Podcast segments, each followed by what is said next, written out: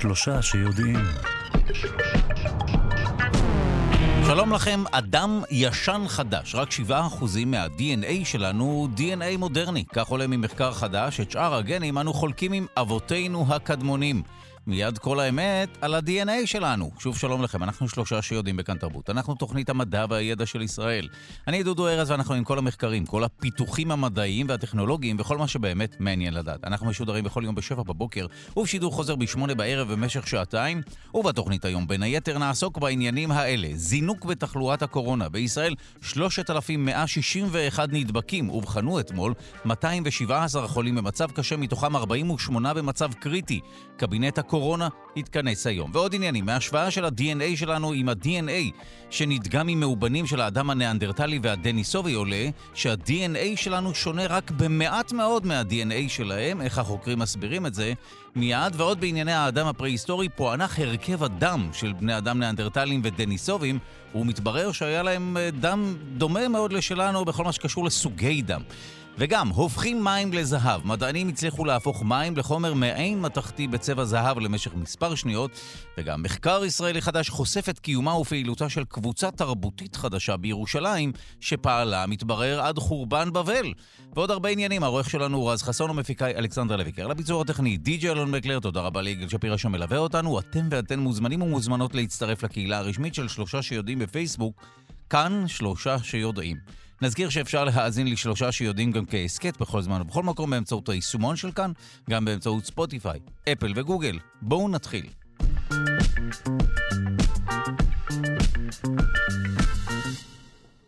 אדם ישן חדש, רק 7% מה-DNA שלנו הוא DNA מודרני. כך עולה ממחקר חדש שפורסם ב-Science Advances. את שאר הגנים אנו חולקים עם אבותינו הקדמונים. החוקרים הגיעו לממצאים האלה בעזרת שימוש בכלי מדעי חדש שמאפשר השוואה של ה-DNA שלנו ל-DNA שנדגם ממאובנים של האדם הניאנדרטלי והדניסובי. אנחנו שמחים לומר שלום לפרופסור לירן כרמל מהמחלקה לגנטיקה באוניברסיטה העברית. שלום. שלום, שלום. אז קודם כל בואו הסבר לנו מה משמעות הממצא הזה, ואז נבין האם אנחנו צריכים אה, להתאכזב מזה שה-DNA שלנו הוא לא ממש ברובו חדש, או שלא. אבל מה, מה, מה מצאו בדיוק החוקרים? זהו, הדיווח הוא נכון, אבל הדרך שבה זה מוצג היא מעט מטעה. אז, אז אני, אני אנסה להסביר במה מדובר. מה שהחוקרים עושים זה מסתכלים על השונות שלנו. כלומר, כשאנחנו מסתכלים על ה-DNA של בני האדם, רוב הזמן אנחנו מאוד מאוד דומים אחד לשני, ומדי פעם יש אתרים ב-DNA שבהם יש שונות. ה-DNA הרי הוא מורכב מארבע אותיות, אז נגיד יש אתר שחלק מהאנשים כתוב שם A וחלק מהאנשים כתוב שם C למשל, וזה אתר שיש בו שונות באוכלוסייה. אז מה שהם עושים, הם מסתכלים על כל האתרים האלה שיש בהם שונות באוכלוסייה ומנסים לזהות מאיפה הגיעה השונות הזאת, מה המקור שלה. עכשיו, והכלי הזה שהם השתמשו בו זה אלגוריתם חדש שהם כתבו, שבעצם מאפשר לדעת, אה, או, או מאפשר להבין בצורה יותר טובה, מה המקור של השונות. תחשוב למשל, אם אצלי כתוב A ואצלך C, יכול להיות שלפני 200 שנה אצל איזה סבתא רבא שלי הייתה איזושהי מוטציה, וזה התפשט בקרב חלק מבני המשפחה שלה, ואז לי יש משהו, את המוטציה הזאת ולך אין, אז יש לנו שונות. אז אנחנו רוצים לנסות לזהות את המקור של השונות. אז עכשיו, מה שהם זיהו זה ככה, בהמון מקומות בגנום, השונות מגיעה מחומר אה, גנטי שהגיע מהניאנדרטל. כמו שגם דיברנו על זה כאן בתוכנית בעבר, כל אחד מאיתנו יש לו בערך 2% ניאנדרטל בגנום. אבל ה-2% שלי הם לא כמו ה-2% שלך. אז יש מקומות שאצלי יש אה, DNA שהגיע מהנדרטל ואצלך לא, וככה גם כשאתה מסתכל באוכלוסייה הכללית יש שונות מאוד גדולה של איזה 2% מהניאנדרטל יש לכל אחד, ואם אתה אוסף את כולם, אתה רואה שבערך ב-50% מהאתרים האלה שיש שונות אה, גדולה בין בני האדם, השונות הזאת נובעת מזה שחלק מהאנשים קיבלו את זה פעם מניאנדרטל. טוב, אני מנסה להבין אם יש לזה תפקיד אבולוציוני לערבוב שלנו מהאנדרטלים, אבל בסדר, נעזוב את זה בינתיים. אוקיי, מסקרן. זו שאלה מאוד גדולה, אבל הם לא עסקו בזה, כן. אוקיי, אז בוא נמשיך. זו מצוינת וחקרו אותה בכמה זוויות, אבל זה, זה לא מה שהם עשו. אז אוקיי. הם אמרו 50 אחוז זה בא מהניאנדרטל השונות, בעוד 43 אחוז הם מצאו אה, שהשונות הזאת הייתה קיימת כבר באוכלוסייה מאוד מאוד קדמונית, עוד לפני שאנחנו נפרדנו מהניאנדרטלים. הרי אם אתה לוקח כל שני אנשים, למשל, אותי ואותך, נלך מספיק אחורה בזמן, תמיד יהיה, יהיה לנו איזושהי אימא משותפת.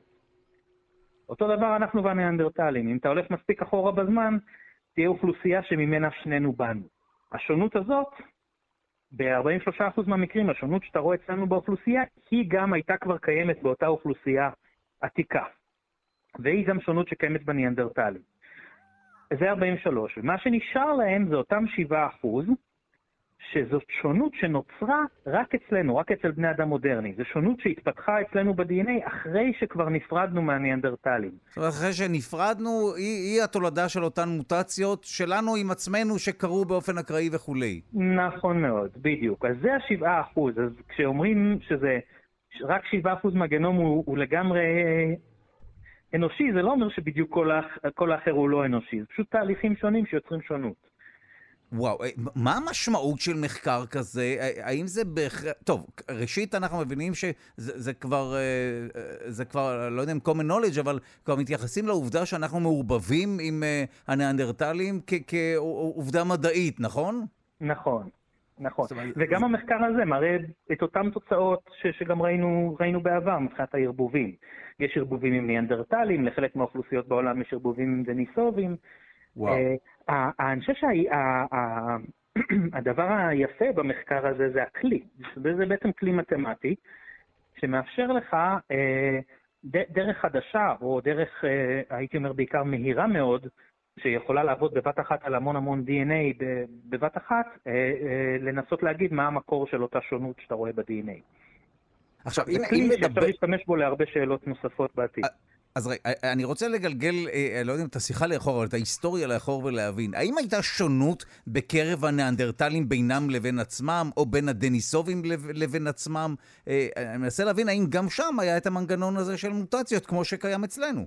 נכון. יש, יש אצלהם שונות בינם לבין עצמם, גם אצל הדניסובים, גם אצלנו זה משהו שקורה בכל אוכלוסייה. כל הזמן, אה, בכל אוכלוסייה יש לך שונות. אמ, ש... שהיא גם מתפתחת עם הזמן. עכשיו, אה, האם אפשר להניח, או להסתמך על המחקר הזה ולהסיק, שבסופו של דבר כן יש לנו אב קדמון אחד, אה, גם הדניסובים, גם הניאנדרטלים וגם אנחנו, היה, התפתחנו מאותו אדם בסופו של דבר? זה חייב להיות ככה תמיד. גם כל, כל שני יצורים חיים שתיקח, אם תלך מספיק אחורה, הם יתפתחו. אה, אוקיי, טוב. זה נכון. גם אתה, ו, גם אתה ויתוש. אם תלך מספיק אחורה, אז תגיעו לאב הקדמון המשותף של שניכם. זה, זה חייב להיות ככה, תמיד.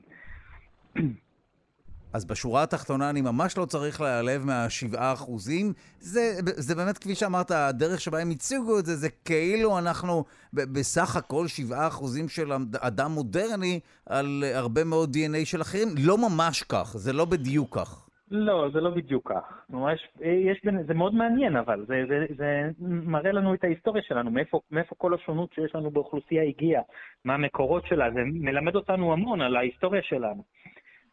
להיסטוריה, ובעיקר העובדה שחלק מהשונות שלנו בינינו לבין עצמנו היא תולדה של הערבובים עם אנשים פרה-היסטוריים אחרים. נכון, נכון. אז אנחנו לא נעלבים מהמחקר הזה, לא מהשבעה אחוזים האלה. לא, לא, לא צריך להיעלב. אנחנו מספיק מתוחכמים, ומוטציות כן קרו אצלנו, ועובדה שאנחנו פה והם פחות, או לפחות הם, הם כן חיים בתוכנו, כמובן, כחלק. אגב, גם השבעה אחוז זה לא כל כך מעט. כלומר, אם לחשוב שאתה מסתכל אך ורק על שונות שנוצרה רק בכמה מאות אלפי שנה האחרונות, מאז שנהיינו אנחנו בני אדם מודרני נפרדים מניאנדרטלים ודניסובים, זה לא כזה מעט. זה, אתה אומר, גם בנתון הזה... אפשר לעשות הרבה מאוד שינויים עם 7 אה, אחוז... אה, אוקיי, נכון, גם בזה אי אפשר לזלזל. טוב, האמת היא שזה מסקרן מאוד, וזה די מדהים שאנחנו מדברים באופן טבעי על DNA של ניאנדרטלים ודניסובים, מדהים שאיכשהו אפשר לגרד DNA כזה ולפענח אותו, לא טריוויאלי. לגמרי לא. זה, זה, זה לכן לקח אה, הרבה שנים עד שהצליחו לייצר את הטכנולוגיה המתאימה. אה, בהתחלה היו הרבה כישלונות בתחום הזה. אה, אבל היום אנחנו כבר במקום אחר שבו, שבו ניתן לעשות דברים כאלה. וואו, טוב, תודה לך על השיחה הזו, פרופסור לירן כרמל מהמחלקה לגנטיקה, האוניברסיטה העברית. תודה. בבקשה, להתראות.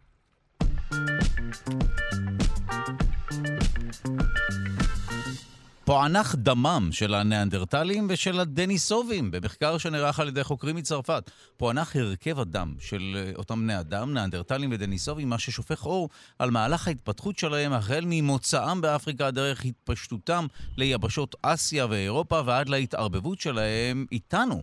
כמו כן, גם לניאנדרטלים ולדניסובים היו סוגי דם דומים לאלה שלנו, A, B ו-O. אנחנו שמחים לומר שלום לדוקטור אלון ברש, מומחה לאנטומיה ואבולוציה של האדם, מהפקולטה לרפואה על שם עזריאלי, אוניברסיטת בר אילן. שלום. שלום, שלום, והשיחה הזאת היא ממש בהמשך ישיר לשיחה הקודמת שלך. אה, אתה צודק לגמרי, בוא אני אגלה לך סוד מקצועי. בגלל שאנחנו uh, בימי uh, חמישי עושים לקט, אני משתדל לא לחבר בין אייטמים כדי uh, שלא להרוס, כי, כי בהנחה שבלקט לא ישימו את השיחה הזאת בלי השיחה הקודמת. אבל אתה צודק לגמרי, אתה צודק, זה לגמרי המשך ישיר. תשמע, אז בוא אני אמשיך את אותו קו ש, שסיימתי את השיחה הקודמת בו. קודם כל, מדהים שאנחנו מדברים על דם של אותם uh, יצורים, דם. אז, אז, אז זה לא סתם אנחנו ממשיכים את השיחה הקודמת, הרי אין לנו באמת את הדם של הנאנדרטלים ושל הדניסובן, זה הכל מתוך ה-DNA. אנחנו יודעים בתוך ה-DNA איפה יושבים אותם אה, אה, חלקים שמקודדים לסוכרים במקרה הזה, אה, ולחלבונים שמייצרים לנו את סוגי הדם שלנו, ולכן אנחנו יודעים מה היה סוג הדם של הנאנדרטלי. עכשיו, מה שמעניין פה זה שעד המחקר הזה, אה, היו בטוחים שסוג הדם של הנאנדרטלים הוא O, כמו דרך אגב רוב אוכלוסיות האדם, אה, באחוזים משתנים. אה, אבל זה היה מבוסס על נאנדרטל אחד. עכשיו ריצפו עוד שלושה, או יותר נכון, השתמשו בריצוף הקיים של עוד שלושה נאנדרטלים ודניסובן אחד, וגילו סוגי דם אחרים. זה, זה נורא מעניין איך אנחנו תופסים, ודיברנו על זה כמה פעמים, התפיסה שלנו משתנה לפי מה שאנחנו יודעים. ההבנה שלנו של האבולוציה של האדם ואיך התקדמנו ואיך זזנו ממקום למקום. ולפעמים כשאנחנו מבססים את המסקנות שלנו על מספר מצומצם מאוד של פרטים, המסקנות האלה הן יכולות להיות uh, מוטות או מוטעות ולא נכונות. וזה מה שקרה עד היום. פתאום ריצפנו DNA של עוד ניאנדרטלים, או יותר נכון, במחקר הנוכחי השתמשו בריצופים קודמים שעשו, למעשה הם לא עשו שום מה שאנחנו קוראים לו מעבדה רטובה. הם לא ריצפו DNA של ניאנדרטלים, אלא השתמשו בריצופים קיימים. פשוט הסתכלו על האזורים שמקודדים לסוגי דם. אה, וגילו שהיה להם בדיוק אותם סוגי דם כמו שלנו. אה, אני חייב להגיד שזה לא מפתיע, אה, זה אפילו די צפוי, אבל עדיין מאוד מאוד מאוד מאוד מסקרן ומעניין. אז אני מנסה להבין, אה, אה, אה, ככל שאנחנו מתקדמים בזמן ומחקרים מצטברים, אז הנה מחקר שלפיו גם להם היו אה, סוגי דם בדומה לסוגי הדם שלנו. מה ההבדל המהותי בין אותם מינים של בני אדם? אנחנו צריכים ללכת טיפונת אחורה, וקודם כל, גם לקופים יש אותם סוגי דם כמו שלנו, אני מדבר בעיקר mm. על קופי אדם. זאת אומרת, לשימפנזים יש סוג דם A. מדי פעם יש גם סוג דם O, אבל לכולם יש סוג דם A. גורילות יש להם סוג דם B, לכולם. שימפ... אה, אורנגוטנקים יש להם גם וגם, בדיוק כמונו. ממש אותם אנטיגנים, אותם, אה, אותם אה, חלקיקים, במקרה הזה אמרתי, זה, זה סוכרים בעיקר, שיושבים על מעטפת התא. ובגלל זה זה לא ממש מפתיע שגם לנאנדרטלים, ובטח גם לכל אותם הומינינים או הומינידים קדומים, גם היה סוגי דם שיחסית דומים כסוגי הדם שלנו. מה שמיוחד במחקר הזה, שמראה במחקר הזה, זה לאו דווקא, מעבר לעובדה יותר נכון שמדובר פה על סוגי דם דומים לשנו, אנחנו מכירים למעשה הרבה מאוד קבוצות של סוגי דם, מעבר לשיטה שאנחנו קוראים לה ABO או ה-RH פלוס, RH מינוס, שהם החשובים ביותר, אבל יש עוד הרבה מאוד תתי סוגים. רק בתוך A, שאנחנו קוראים A חיובי או A שלילי, אז בתוך ה-A הזה יש כמה תתי סוגים. והיה אפשר לעקוב באמת אחרי, להשוות בין נאנדרטלים, הדניסובן, ואוכלוסיות אנושיות. וזה די תומך במה שאנחנו מכירים מה-DNA עצמו, ושוב, זה לא מפתיע, הממצא הזה לא מפתיע כשלעצמו. מה שמעניין זה שאנחנו משתמשים פה בדברים שלא השתמשנו קודם, בשיטה שלא השתמשנו בה קודם, כדי לחזק השערה שידענו עליה, אה, או חשדנו מה-DNA עצמו, וגם, דרך אגב, באנטומיה. אה, שמלמד לנו הרבה על, על תנועה של אנשים במרחב, כולל ניאנדרטלים. אז זהו, אז איך אפשר באמת להגיע לאותן מסקנות שקשורות ל, למעבר שלהם, להתפשטות שלהם וכולי, מבחינת הדם שלהם? מכיוון שבאוכלוסיות שונות בעולם יש אחוזים שונים של סוגי דם. אה, למשל, אה, בדרום אמריקה סוג הדם השלט, הנפוץ ביותר הוא O+. זה בחלק ממדינות דרום אמריקה. אה, אצלנו פה בישראל זה בערך 30 אחוז O, 30 אחוז A+, ו-17 אחוז B+. וככה זה משתנה על פני מדינות בעולם. ועל ידי השוואה לאוכלוסיות היום, והשוואה לאוכלוסיות שהיו בעבר, כן, או שוב, מוציאים DNA גם כן משלדים אנושיים, לא רק משלדים של נאנדרטלים, אפשר לעקוב אחרי הדמיון לאוכלוסיות, אה, לאוכלוסיות שהיו קיימות בעבר ולהשוות ביניהן. אה, וזה באמת מראה למשל, שוב, כמו שידענו מה-DNA, שיש איזשהו קשר לא ברור בין נאנדרטלים לקבוצות מסוימות בדרום-מזרח אסיה. מה הקשר הזה, איך הם הגיעו, אנחנו לא יודעים. אה, למה דווקא דרום-מזרח אסיה? אבל אנחנו יודעים שיש כזה קשר. והמחקר הזה מחזק את זה. מצד שני חייבים להיות מאוד מאוד זהירים. למשל, במחקר הזה הם טוענים אה, שלנאנדרטלים הייתה איזשהו, אחד מסוגי, התתי סוגים, אה, סוגי הדם שלהם, הפך אותם לרגישים ליותר אה, למחלה בעוברים, בעצם איזושהי תכונה שגורמת לפירוק הדם בעוברים. ואז הם טוענים שזה בעצם גרם להם להיות, אולי להיכחדות שלהם או עזר להיכחדות שלהם. ופה צריך להיות מאוד מאוד זהירים, כי שוב, המדגם הוא קטן, אנחנו לא מכירים את מלוא הסיפור, אני רק אתן דוגמה קטנה, שאנמיה חרמשית, שהיא מחלה מאוד uh, מסוכנת, uh, אנחנו מכירים אותה, uh, היא קיימת באחוזים מסוימים באפריקה, וכנראה היא מגינה ממלאריה. במקרים מסוימים, תכונות מסוימות הן יכולות לעזור לך. זה לא בהכרח, אנחנו, קשה לשפוט את זה במונחים שיש את זה, שאנחנו מכירים היום, צריך לקחת את זה מאוד מאוד בזהירות. ככל הנראה לכל דבר היה איזשהו יתרון, אחרת הוא לא היה שורד, או שהוא פשוט לא, לא פגע. כן, מעניין. בדיוק. טוב, אה, בדיוק. אנחנו, אנחנו שוב מדברים בטבעיות אה, על אדם. כפי שהסברת, באמת, אה, מיפינו, יש מיפוי גנטי, נכון? של, ה, של הגנום שלהם, לפחות חלקי. יותר מחלקי, אז באמת המיפוי DNA הראשוני של הנאנדרטלים היה מה שנקרא דראפט, זה אומר שלקחו מכמה... מכמה נאנדרטלים ועשו מזה DNA אחד. היום ה-DNA מוצאים, מצליחים, באמת, באמת בזכות הטכנולוגיה והידע שלנו ב-DNA, ובעיקר כוח המחשוב שעומד מאחורי זה, שהוא מאוד מאוד חשוב, יש לנו מיפוי, מיפויים יפים של, של נאנדרטלים. לא מעטים אה, אה, נכון להיום, וזה בטח ילך ויגבר אה, עם השנים. אז עד כמה אנחנו קרובים באמת ליצירה של אדם נאנדרטני, להקים אותם לתחייה? כמובן לא במסגרת פארק, אה, לא רוצה לזכור. אפשר גם, אם כבר... פשוט שיחיו להם באיזשהו חבל ארץ שהם בוחרים לגור בו. אה, אז לא, אנחנו מאוד מאוד רחוקים מהדבר הזה, ורק אה, דוגמה אחת כמה אנחנו רחוקים, זה שיש לנו ריצוף שלם של ה-DNA במחשב, שאנחנו, זה הכל במחשב הרי. אנחנו יודעים בדיוק את הסידור של האותיות. איך הוא מתיישב בדיוק בתוך הכרומוזומים. מבחינה מרחבית אפילו, יש שם כל מיני עניינים.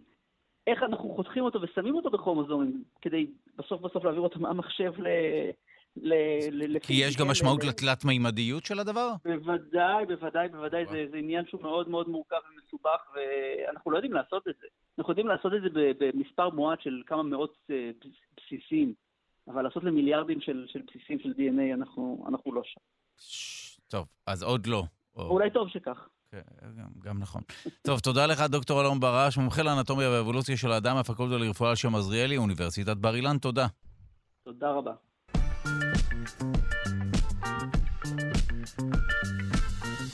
הופכים מים לזהב. מדענים הצליחו להפוך מים לחומר מעין מתכתי בצבע זהב, לא באמת זהב, למשך מספר שניות, כך פורסם בכתב העת Nature. לצורך כך הם מילאו מזרק עם סגסוגת נוזלית של נתרן ואשלגן, וחשפו טיפה מהחומר לאדי מים. אה, כאשר העדים התערבו לסוג של קרום, אה, על הטיפה האלקטרונים מהסגסוגת התפזרו לתוך המים ונתנו להם לזמן קצר, כאמור, תכונות מתכתיות. זה קרה לרגע אחד. אנחנו שמחים לומר שלום למייסד התוכנית להנדסת חומרים בפקולטה להנדסה, אוניברסיטת בר אילן, פרופסור דורון נווה, שלום. בוקר אור. טוב, אז בוא הסבר לנו מה בדיוק אה, הצליחו המדענים אה, לעשות או ליצור ב- ב- על, על פי המחקר שפורסם בנייצ'ר. אז תראה, בעצם אה, כל חומר מבודד מים הם חומר מבודד. כששמים אותו, מפעילים עליו לחץ גדול מספיק, אפשר לקרב את האטומים שלו במידה כזאת שהם מתחילים לשתף את האלקטרונים בצורה קולקטיבית והופכים למתכת. כדי להפוך מים לחומר מתכתי, צריך לחץ כזה שלא קיים במעבדה, והוא מסדר גודל של הלחץ שיש במרכז של אה, כוכב אה, מסיבי, כוכב גדול כמו השמש. אה, כמובן שדבר כזה לא יכול להתאפשר במעבדה. מצד שני, אפשר להעשיר את המים ביונים או באלקטרונים אבל לא במידה שתהיה מספקת כדי להפוך אותם למתכתיים. ואחת הסיבות לכך היא שאטומים שנוטים לתרום מהר את האלקטרונים שלהם, מגיבים בצורה מאוד אלימה עם מים, למשל נתרן ואשלגן שהזכרת, ברגע שחושפים אותם למים הם יוצרים פיצוץ, למשל הזיקוקים שאנחנו מכירים עשויים מחומרים מהסוג הזה. מי שרואה, טוב, אני לא ממליץ כמובן למאזינות ולמאזינים לעשות את זה, אבל אני זוכר ניסוי, ניסוי בכימיה שבאמת נתרן מטייל איזה מין גוש כזה, מטייל על המים, ואז בום, פיצוץ, פשוט... נכון. out of nowhere. התגובה מאוד אלימה. ו, ולכן אה, אה, זה גם כן לא מתאפשר. מה שהמדענים, אה, זו קבוצה מאוד גדולה של מדענים מ-12 מוסדות שונים, ממספר מדינות, גרמניה, ארצות הברית, אה, אפילו מצרים שכנתנו, אה, עשו, הם בעצם לקחו טיפה נוזלית של סגסוגת של נתרן עם אשלגן, שהיא באופן טבעי נוזלית בטמפרטורת החדר, ובתנאים של ואקום, של חוסר אוויר, הם העשירו אותה בעדים של מים, שהעדים התעבו על פני הטיפה הזאת בצורה מאוד איטית. אה, וכשקרבו את המים אל, ה, אל פני השטח של המתכת בצורה אה, מאוד איטית, לא נוצרה התגובה הכימית האלימה הזאת. ובעצם המים התעבו, הפכו מגז לנוזל על פני הטיפה וציפו אותה בשכבה דקה. והשכבה הדקה הזאת של המים קיבלה אלקטרונים מהמתכת, המתכת תרמה לאלקטרונים, במידה כזאת שצפיפות האלקטרונים הגיעה כמעט אה, לצפיפות האלקטרונים במתכת אה, נורמלית, אה, רגילה. והמים, ברגע שהם הואשרו באלקטרונים, שינו את התכונות האופטיות שלהם מחומר שקוף תכונות של חומר אה, שהוא אינו שקוף, שהוא מתכתי, בצבע של זהב. שמע, אנחנו מדברים פה בטבעיות, אבל אה, אני, אה, לאט לאט אני, אה, ככל שהשיחה הזו מתקדמת, אני מבין שאולי אנחנו צריכים באמת להקדים ולדבר על היווצרות של חומרים, או בעיקר מתכות, ב- בליבות של כוכבים. כי הנה, אנחנו מדברים הרי על מעבר של חומר, הפיכתו של חומר לחומר אחר, מה שנשמע לנו כמובן אלכימיה, אבל זה באמת קורה, נכון? אה, תראה, המים נשארו אה, אותם מים, רק שהם הואשרו באלקטרונים שהגיעו מהמתכת. אה, ההעשרה הזאת באלקטרונים מהמתכת התאפשרה בזה שמנעו את התגובה האלימה בין המים למתכת. ואם המים האלה היו נמצאים ב, בליבה של איזשהו כוכב, איזושה, איזושהי שמש, יכול להיות שהם היו הופכים להיות חומר אחר? הרי חומרים נוצרים ב, בליבות כוכבים. אה, זה נכון, חומרים נוצרים בליבות כוכבים, רק שבמקרה הזה מים היו הופכים לעדים הרבה הרבה לפני. אוקיי, נכון, כן. אז אולי לא מים, אתה אומר. נכון, אולי לא מים, אולי אה, אה, חומרים אחרים שיש להם עמידות בפני הטמפרטורה, נכון. עכשיו, מלבד הגימיק אה, שמדובר במשהו שלמעשה אה, תהליך שהופך מים למשהו אה, מתכתי ברמה, כפי שאמרת, האופטית או הוויזואלית וכולי, יש איזשהו יישום לשינוי כזה של מים? אמ, זה עדיין לא, לא ידוע. בעצם החוקרים בדקו בצורה אנליטית את המים האלה, והוכיחו שהם לא רק נראים כמו, כמו זהב, אלא שיש להם את התכונות המתאימות של, כמו של מתכת. זאת אומרת, לזהב יש צבע מאוד מיוחד, שהוא נובע מזה שלאלקטרונים בזהב יש אה, אה, נטייה אה, לנוע, להתנודד ביחד עם, ה, עם הערעור של אור, כשפוגע בהם אור, הם מתנודדים ביחד באיזשהו מהלך שקוראים לו פלזמון, באיזושהי צורה של פלזמה. ובעצם אה, מה שהם אה, מדדו זה את אותו אה, פלזמון ש, של התנודה של האלקטר... הייחודית הזאת של האלקטרונים בתוך המים. והם מדדו את זה במספר שיטות שונות, והוכיחו בעצם שהאלקטרונים בתוך המים הם אלקטרונים ניידים שיכולים לנוע ולהתנודד אה, בצורה שאנחנו אה, מכירים אותה עד היום רק ב... יסודות מתכתיים. וואו, טוב, אה, גם אם אין יישום פרקטי וכולי, עדיין מאוד מסקרן התהליך, וגם בזכות השיחה הזו למדנו עוד דברים מלבד אה, בכל מה שקשור לתהליך הספציפי הזה. תודה רבה לך, פרופסור, פרופסור דורון נווה, מייסד התוכנית להנדסת חומרים, הפקולטה להנדסה, אוניברסיטת בר אילן. תודה. המשך יום נעים.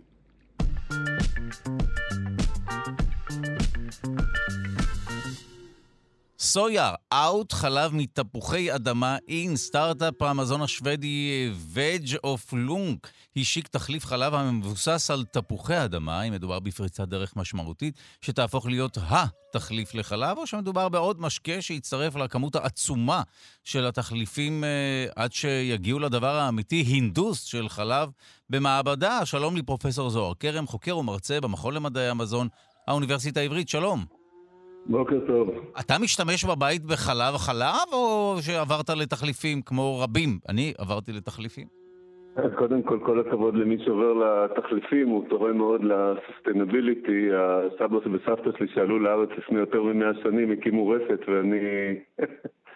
אחרי שזכו בפרסים על חלב, אני לא יכול לא לשתות חלב, אבל אני... קודם כל לסבא וסבתא. בדיוק.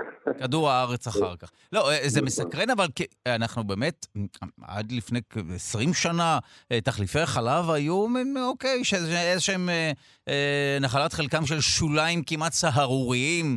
אנשים שרצו איכשהו להלבין את החלב שלהם ומשום מה נמנעו, או שלא היו יכולים לשתות חלב. פתאום יש מין מפץ גדול כזה של, במרכאות, נכון. חלבים, כמובן שזה לא מדובר בחלב. נכון, ואני חושב שמבחינת, ואתה צדקת בהצגה שלך לגמרי, מבחינת כדור הארץ אנחנו מדברים על חשיבות אדירה לשימוש בתחליפים מהצומח ותחליפים אחרים. כשאנחנו מסתכלים על העלות של חלב פרה לא בכסף, אלא בצריכה של פחמן, בפליטה של פחמן דו-חמצני, בצריכה של מים, בצריכה של אדמה. אדמה זה לא רק האדמה שהפרה עומדת עליה, ומים זה לא רק המים שהפרה שותה, זה גם המים שהגידולים שנותנים לפרה לאכול, אה, גם הם אה, צורכים, והאדמה שהיא צורכת. אה, אני אדבר עוד רגע ככה בשטף, גם זה שאנחנו מדברים על חלב סויה, שהוא היה התחליף העיקרי, אז, אז הסויה בעיקר מגודלת בעולם כמזון לבעלי חיים. אה, וכדי לגדל סויה אה, מבראים יערות ומנצלים קרקעות חקלאיות חדשות כל הזמן, ככה שהתרומה השלילית הכוללת של שימוש בחלב אה, פרה כמו שהורגלנו לאהוב היא מאוד מאוד גדולה ומעמיסה המון על הקיימות של החקלאות ושל העולם שלנו. אז באופן טבעי אנחנו אה, מנסים לעבור, לפחות חלק מהצרכנים, לאלטרנטיבות. אה, מה דעתך על תחליף החדש, אה, החלב החדש הזה שמבוסס על תפוחי אדמה? יש ביקורת כלפי המוצר הזה, כי הוא מכיל בעיקר פחמימות לדעתי. אה, אז נכון, ברמת החלבונים והשמנים הוא לא בדיוק מושלם. שוב, מה, מה, מה מיוחד בחלב פרה? מה שמיוחד בחלב פרה זה שזה חלב אה, מעולם החי. שהוא מכיל באמת את הרכב החלבונים שדרוש לנו כדי להתפתח. חלב תפוחי אדמה מכיל הרכב חלבונים אחר, הוא נהדר לאלה שרגישים ללקטוז, כי אין בו לקטוז כמובן, לקטוז זה הסוכר של חלב הפרה, או בכלל חלב של מעלי גרה. והוא בנוי כך שהוא יהיה בהרכב נכון, ובעיקר שיהיה לו טעם טוב, כי זה הדבר העיקרי במזון, מזון חייב להיות טעים. אז חלב תפוחי אדמה, כדי שיהיה בו מספיק שמן, אז מוסיפים לו שמן ממקור צמחי אחר, וכדי שיהיה בו, אה, וכדי שיהיה לו טעם, אז גם מייצרים אותו, נכון להיום אפשר לקנות אותו בשלושה טעמים, אחד זה הטבעי, שהוא די מזכיר טעם של פירה עם חלב, שזה די טעים פירה עם חלב. אה, לא בטוח שבקפה אבל. אז זהו, אז הם עשו גם טעם לקפה ועשו עוד איזה mm. טעם שהוא לא ממותק. אני חושב שיש פה בשורה אדירה בחלב של התפוחי אדמה, בעצם זה שזה חלב שמאפשר לכל מי שרוצה להשתמש בחלב לכל מיני שימושים בלי קשר לערך התזונתי, ויש שימוש אדיר בחלב למרקמים ולטעמים, אם אנחנו מדברים על אה, גלידות חלביות, אם אנחנו מדברים על חלב בקפה, ויכולנו למנות, אתה יודע, גבינות ומוצרי החלב השונים, אז יש בשורה אדירה בגידול שהיום אה, ניתן לגדל אותו במרבית אזורי העולם. בארץ שלנו, מי שנוסע לנגב יכול לראות שדות אה, תפוחי אדמה ענקיים שמייצרים מספר פעמים בשנה. זאת אומרת, הם נקטפים בתפוחי אדמה מספר פעמים בשנה או נאספים. באמת בשורה אדירה בעצם זה שיש מוצר שמזכיר את החלב בטעם שלו, בנראות שלו ובפונקציות שהוא יכול למלא לתעשיית החלב. צריך לזכור שזה לא החלב שצריך לתת לתינוקות ולילדים, זה לא, זה לא מכיל את מה, שה, מה שאנחנו צריכים בשביל לגדול, זה כן מכיל את מה שאנחנו צריכים כדי להמשיך ליהנות מהחיים כשגמרנו, כשסיימנו לגדול. וזו שאלה נוספת, האם תחליפי חלב, גם ספ... ספציפית התחליף הזה, ובכלל, זה משהו שהוא בכלל בריא, או, או, או שמדובר במוצר בדרך כלל אה, מעובד מאוד וכולי, שמספק לנו איזשהו משהו תחליפי, אבל לא בטוח שהוא תורם לנו לבריאות, הוא מסייע לכדור הארץ, או לנו, בגדול כאנושות. כן. אז כמו שאמרת, צריך לבחור בין סבא וסבתא לבין כדור הארץ. אה, סבא וסבתא זה נוסטלגיה, כדור הארץ זה עתיד. אה, אנחנו מוכרחים אה, לעבור לתחליפים, חלב פרה צריך להישאר כמוצר, הייתי אומר, טיפונת יותר יוקרתי. אה, זה לא מכיל את כל מה שאנחנו צריכים בשביל ההתפתחות התקינה שלנו, זה לא מכיל את הסידן, חלב זה אחד המקורות הטובים לסידן, זה אחד המקורות הטובים לויטמין D, ולכן כשאנחנו הולכים לסופר אז כדאי להסתכל האם החלב מועשר בויטמין D, כי זה אחד, ויטמין D כשבא ביחד עם סידן, זה הדרך הכי טובה לתת לגוף שלנו כשאנחנו מתבגרים אה, סידן. ולכן יש לחלב הפרה יתרונות שעדיין צריך להסתכל עליהם ולשמור עליהם. אה, ובגלל זה באמת אנחנו רואים אה, במקביל להתפתחות האדירה בשוק תחליפי החלב הצמחיים שהם בעיקר מתבססים על קיימות ועל אה, זה שהם לא מכילים את הלקטוז ואת האנטיביוטיקות שעלולות להימצא בחלב פרה וכן הלאה. מצד שני יש פיתוחים אדירים בעולם, ה... חלקם במעבדה כדי לייצר תחליף חלב אמיתי בלי הפרה. אני חושב שהכי מעניין בהקשר הזה זה חברת ענק שהוקמה דווקא בהודו, שם הסיפור עם חלב ופרות הוא קצת אחר, אבל הדרייב הוא ענק.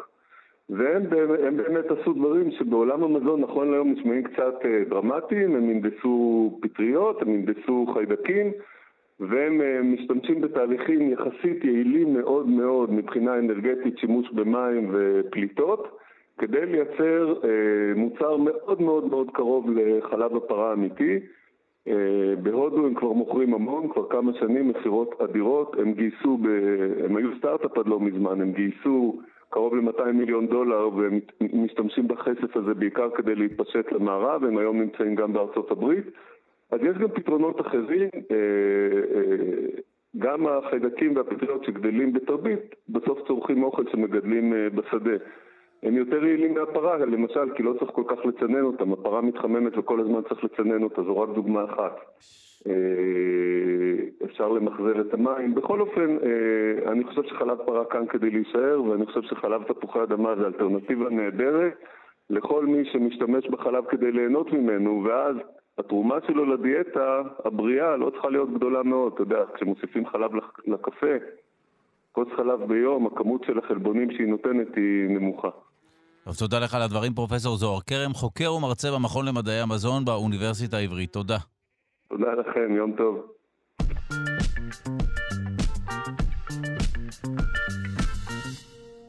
ובמסגרת פינת האבולוציה נעסוק בדינוזאורים אוכלי נמלים. אנחנו נוטים לחשוב על דינוזאורים כחיות ענקיות. יכול להיות שהיו דינוזאורים שהתמחו באכילת משהו קטן כמו נמלים? שלום לי, פרופסור אריאל צ'יפמן, חבר המחלקה לאקולוגיה, אבולוציה והתנהגות האוניברסיטה העברית, שלום. בוקר טוב.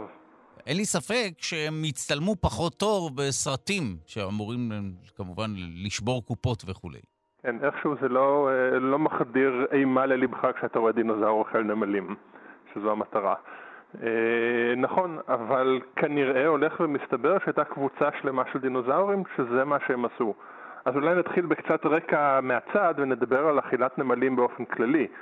אה, נמלים וטרמיטים, אני כורך אותם ביחד, אה, הם משאב מזון יחסית בעייתי כי כל נמלה או כל טרמיטים מאוד קטנים, אבל בדרך כלל אם אתה מוצא כנמלים, אז יש שם הרבה מאוד מזון בבת אחת.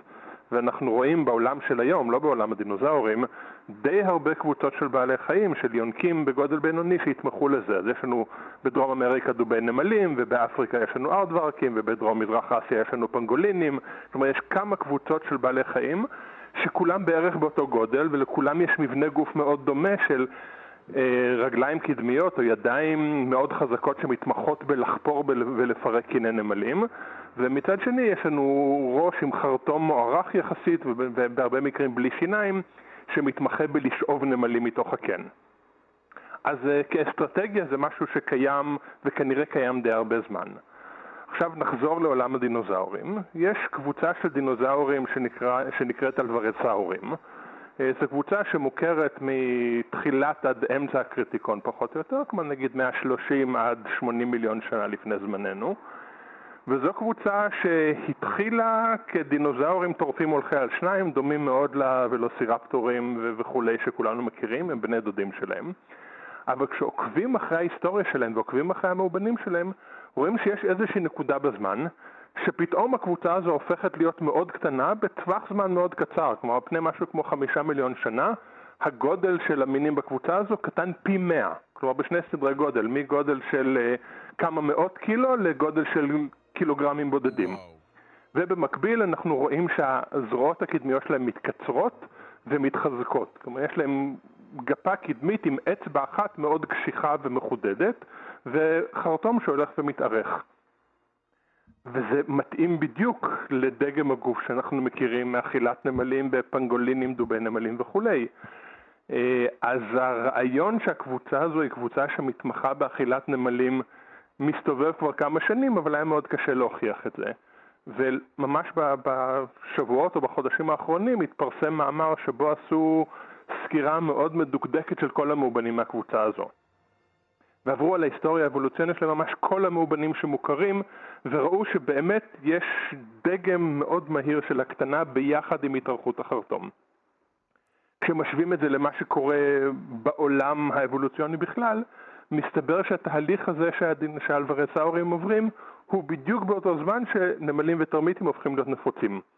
וואו. כלומר, אותה קבוצה של אלוורסאורים הייתה הקבוצה הראשונה, בעלי החיים הראשונים שעלו על המשאב היוקרתי הזה של אכילת נמלים. ש... אה, כמו תעלומה בלשית שבסוף הכל מוביל אה, לפתרון אחד. שוב, זו הוכחה אה, כמובן עקיפה, אבל ככל הנראה זה מה שקרה. נכון, כלומר, הכל מסתדר, גם התזמון, גם, גם, גם המאפיינים, אבל מה שמעניין כאן זה באמת ההקטנה המאוד מהירה של גודל הגוף בקבוצה מאוד ספציפית. אז זהו, אז, אז איך זה עבד אצל דינוזאורים? אנחנו, בהשוואה ליונקים ושינוי גופם, או בעלי חיים שאנחנו מכירים היום, זאת אומרת, גם הם התמיינו, השתנו, אה, איברים התארכו, התקצרו וכולי, לפי מה ש... האבולוציה היא אותה אבולוציה? אה, יש מה שנקרא אבולוציה מקבילה, או, קונברגנ... או אבולוציה מתכנסת או קונברגנטית, כשאנחנו רואים תהליכים מאוד דומים מתרחשים בענפים אבולוציוניים רחוקים. זה מאוד נפוץ, אבולוציה מתכנסת כזו, ככל שמחפשים יותר אז מוצאים יותר דוגמאות, ובאמת הדוגמה הזו של אכילת נמלים, אנחנו רואים את זה גם היום, אז הזכרתי שלוש קבוצות שונות של בעלי חיים עם דגמי גוף מאוד דומים, שכולם יונקים אבל שייכים לענפים שונים לגמרי בעולם היונקים. והנה אנחנו רואים לפני 90 מיליון שנה בקבוצה לחלוטין אחרת אותו תהליך מתרחש, אה, אבל שם נקודת הפתיחה הייתה אחרת. ביונקים, אז בכל המקרים אנחנו מדברים על יונקים שכבר היו בגודל הנכון ורק פיתחו את ההתאמות לאכילת נמלים. בדינוזאורים אנחנו רואים, באלוורסאורים, אנחנו רואים במקביל גם הקטנה בגודל הגוף וגם פיתוח של כל ההתמחויות. אז, אז זה איזשהו תהליך כפול. כי הדינוזאורים מראש כקבוצה, ומזה התחלנו, הדינוזאורים כקבוצה היו גדולים. בעוד שהיונקים כקבוצה הם יותר בגודל בינוני עד גדול אבל לא מאוד. אז הדינוזאורים היו צריכים לעבור דרך יותר ארוכה, אבל ברגע שהם הגיעו לגודל הנכון, לטווח הגודל הנכון, אז ההתמחות לאכילת נמלים הייתה מאוד מהירה. וברגע שההתמחות הזו קורית, זה עוד דבר שאנחנו רואים קורה שוב ושוב באבולוציה, ברגע שיש איזושהי אסטרטגיה חדשה שמופיעה, אז בתוך האסטרטגיה הזו אנחנו פתאום מוצאים עלייה מאוד גדולה במגוון. ברגע שהקבוצה הזו, אני אומר במרכאות, המציאו, אבל ברגע שההתאמות לאכילת נמלים הופיעו בקבוצה הזו, אז פתאום יש הרבה מקום לתת התמחויות ולהתגוונות לכאלה שמתמחים באכילת נמלים בסביבה כזו, ואלה שמתמחים באכילת טרמיטים ולא נמלים, ואלה שיותר טובים בלחפור למטה, ואלה שיותר טובים בלהיכנס לקינים עומדים של טרמיטים. אז התת התמחויות מופיעות מאוד מהר ברגע שיש את ההמצאה הגדולה של אכילת נמלים. טוב, מאוד מאוד מסקרן, אז לא כל הדינוזאורים היו טירקס בשורה התחתונה. נכון, ואם אני יכול להוסיף עוד משפט אחד, אה, עוד איזשהו טיזר אולי לפינה עתידית, דיברתי על זה, יש שתי קבוצות של דינוזאורים שהפכו להיות קטנות. אחת זה אלוורסאורים שהתמחו לאכילת נמלים, ואחת זה הענף שהוביל בסופו של דבר לציפורים. ששם הירידה הדרמטית בגודל הייתה קשורה לשינוי מלא באורח חיים ובסופו של דבר מעבר לתעופה. זה קרה פעמיים מסיבות שונות אה, בשני ענפים קרובים של דינוזאורים. וואו, טוב, תודה לך פרופסור אריאל צ'יפמן, חבר המחלקה לאקולוגיה, אבולוציה והתנהגות, האוניברסיטה העברית. תודה. להתראות.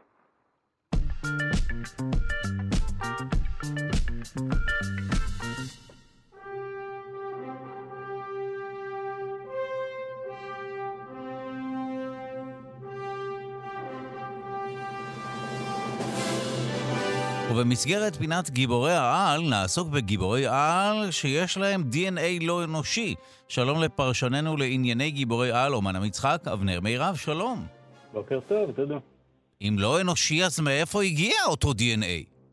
אני יודע שאתה לפחות גיבור אחד. נכון, נכון, אני סתם היתממתי, כן. אה, כן, אז אה, טוב, אז כמובן שהדוגמה הטובה והמוכרת והפופולרית ביותר לעניין הזה של שילוב אה, של DNA של משהו שהוא לא אין, בן אדם ביחד עם אדם, זה ספיידרמן. ספיידרמן שהאמת בשנה הבאה יחגוג 60 להופעתו הראשונה בקומיקס, עם כמה שהוא טינאייג'ר חביב בהרבה מהגרסאות שאנחנו מכירים, הוא כבר הולך, הולך ומתקרב לגיל פנסיה.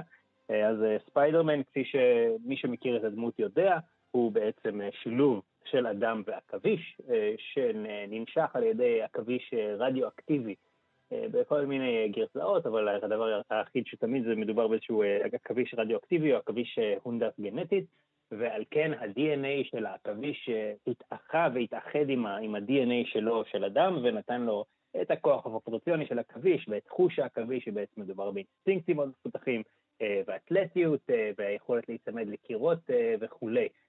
אז זו באמת הדוגמה הכי הכי מובהקת והכי מוכרת לשילוב של DNA שהוא לא אנושי עם בן אדם, וספיידרמן, כאלה הרבה מאוד גיבורי על, הרבה מהנבלים שלו גם באים בצורה כזו, שיש להם איזשהו שילוב של DNA אה, לא אנושית, של DNA של חיה.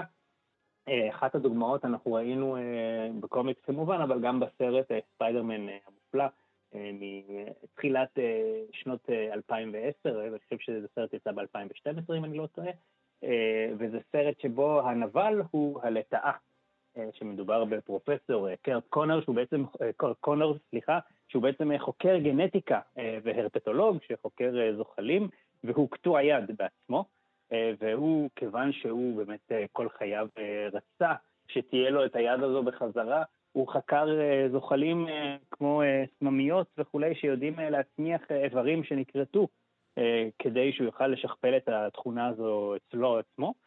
והוא הצליח, הוא הצליח ל, ל, בעצם לגדל לעצמו יד על ידי כך שהוא שילב DNA זוחלי ביחד עם ה-DNA שלו. כמובן שכפי שזה קורה בקומיקסים, הניסוי הצליח יותר מדי והוא בעצמו הפך למעין יציר כלאיים בין אדם ולתאה עצום ומרושע. יש עוד, כל הנושא הזה של, של מדענים שבעצם משלבים את ה-DNA של חיות עם עצמם, זה אלמנט שחוזר על פה בקומיקס בכלל ובספיידרמן בפרט. יש גם את התן ו Jackal, שגם באותו, בעצם בסיפור מאוד דומה, גם היה מדען שחווה טראומה אישית והאשים בה את ספיידרמן בעצמו, כפי שקורה בסיפורים האלה, ובעצם שילב את ה-DNA שלו עם DNA של תן, של החיה תן, נקרא Jackal, וגם היה רשע, וכפי שתנים נתפסים בספרות, הוא היה ערמומי ומושך בחוטים מאחורי הקלעים, מעבר לזה שהיה לו יכולות, כל מיני יכולות שקשורות לשילוב הגנטי שלו. כן, אין ספק שיש הרבה מאוד, הרבה מאוד גיבורי על ונבלי על, שיש את הקטע הזה שיש להם DNA שהוא לא אנושי. כמובן שאי אפשר לעשות פינה בלי להזכיר את אהובך סופרמן. שכל המבנה ה-DNA שלו... בדיוק, זה מאה אחוז לא אנושי, נכון? כן, מאה אחוז לא אנושי. באיטרציות מסוימות גם היו לו ילדים, שהם היו שילוב של DNA אנושי ו-DNA קריפטוני. וכמובן שכפי שקורה בקומיקסים האלה, כל, או בסרטים האלה, כל ביטוי של DNA שהוא קצת שונה, נותן כוחות על, כמובן, כי ככה זה קורה. כי ככה הם החליטו. יוצרי הקומיקס. כן, לא, כי הרי זה, זה מה שקורה במציאות, ברגע שיש לך שוני גנטי כלשהו, אתה מסוגל לעוף או לראות לייזר מהעיניים. לגבי לעוף, כן, יש ציפורים, לייזר זה, זה באמת רק, רק בקולנוע. לסיום, אם אתה היית צריך לערבב את ה-DNA האנושי שלך עם DNA לא אנושי, באיזו, באיזו חיה היית בוחר, באיזה יצור? אנחנו הפכנו להיות תוכנית עם שאלה אישית בסוף ה... תשמע, מתכון מנצח לא מחליפים. אני חושב שספיידרמן הוא דמות כל כך טובה והכוחות שלו כל כך מגניבים, שלא הייתי מתנגד לעשות את זה בעצמי. אני חושב שאתה יודע, כל דבר אחר פתאום זה יכול, פתאום יצמח לך זנב או, או, או קרניים או משהו כזה, אז אני אומר, בוא, ראינו שהניסוי בספיידרמן היה מאוד מוצלח, גם נהיה דמות מאוד חזקה וגם מאוד פופולרית, למה לא? תן לי את... פתאום מתגלה כשמרן, במקום אומן מצחק אוונגרד, פתאום הלכת, אתה הולך על בטוח. יודע מה בסדר, אז טבעת. אם לא... או, עכשיו הדלקת. אולי לא יהיה לי כוחות, אבל לפחות אני יכול עם הזנב ולראות מאמן. תוכל לנופף בעקרון ההכבדה שגילה מדען ישראלי, באחד העקרונות ששינו את כל מה שהמחקר חושב על דברים כמו זנב כבד והשימושים. בוא, מעניין, טווס. כן. אז הנה, די.ג'יי מקלר ימצא לנו קול של טווס. לא, הוא לא ימצא לנו קול של טווס, רק רציתי לראות את פרצופו. העגמומי ניבט אליי כשאני מטיל עליו משימה כזו. תודה לך מעומק הלב, פרשננו לענייני גיבורי על, אומן המצחק אבנר מירב, תודה. תודה לך.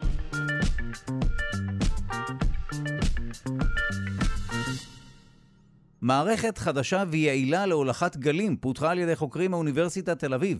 המערכת תאפשר הולכת גלים אלקטרומגנטיים בתחומי קרני הרנטגן ובתחום הטרה-הרץ. הפיתוח הוא תולדה של מחקר שהובילו הדוקטורנטים דרור וייסמן מהקבוצה של פרופסור עדי אריה שכבר נמצא איתנו על הקו, ובמחקר השתתפו הדוקטורנט גרי גאורגי רוזנמן, פרופסור לב שמר וחוקרים מאוניברסיטת אולם בגרמניה. המחקר פורסם בכתב העת היוקרתי Physical Review Letters.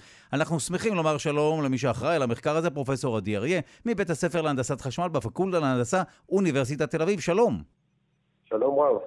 ראשית, תן לנו אולי דוגמאות למוליכים אחרים של גלים, ואז נבין מה מיוחד במוליך הזה שפיתחתם. כן, אז מוליכי גלים, אנחנו מכירים אותם מהרבה דוגמאות בחיים שלנו. למשל, סיבים אופטיים, זה משהו שמשתמשים בו להולכת גלי אור. כל התקשורת האופטית שלנו מבוססת על הולכה בסיבים, ועכשיו גם טלוויזיה בכבלים, כל את הסיב הביתה. הסיב האופטי זה דוגמה של מוליך גלים. יש גם גלים אחרים, למשל גלי קול, אז הסטטוסקופ שהרופא בודק את הגוף שלנו, אז בעצם מה שיש שם זה מוליך גלים שמוליך את גלי הקול מהגוף של הנבדק, לאוזניים של הרופא.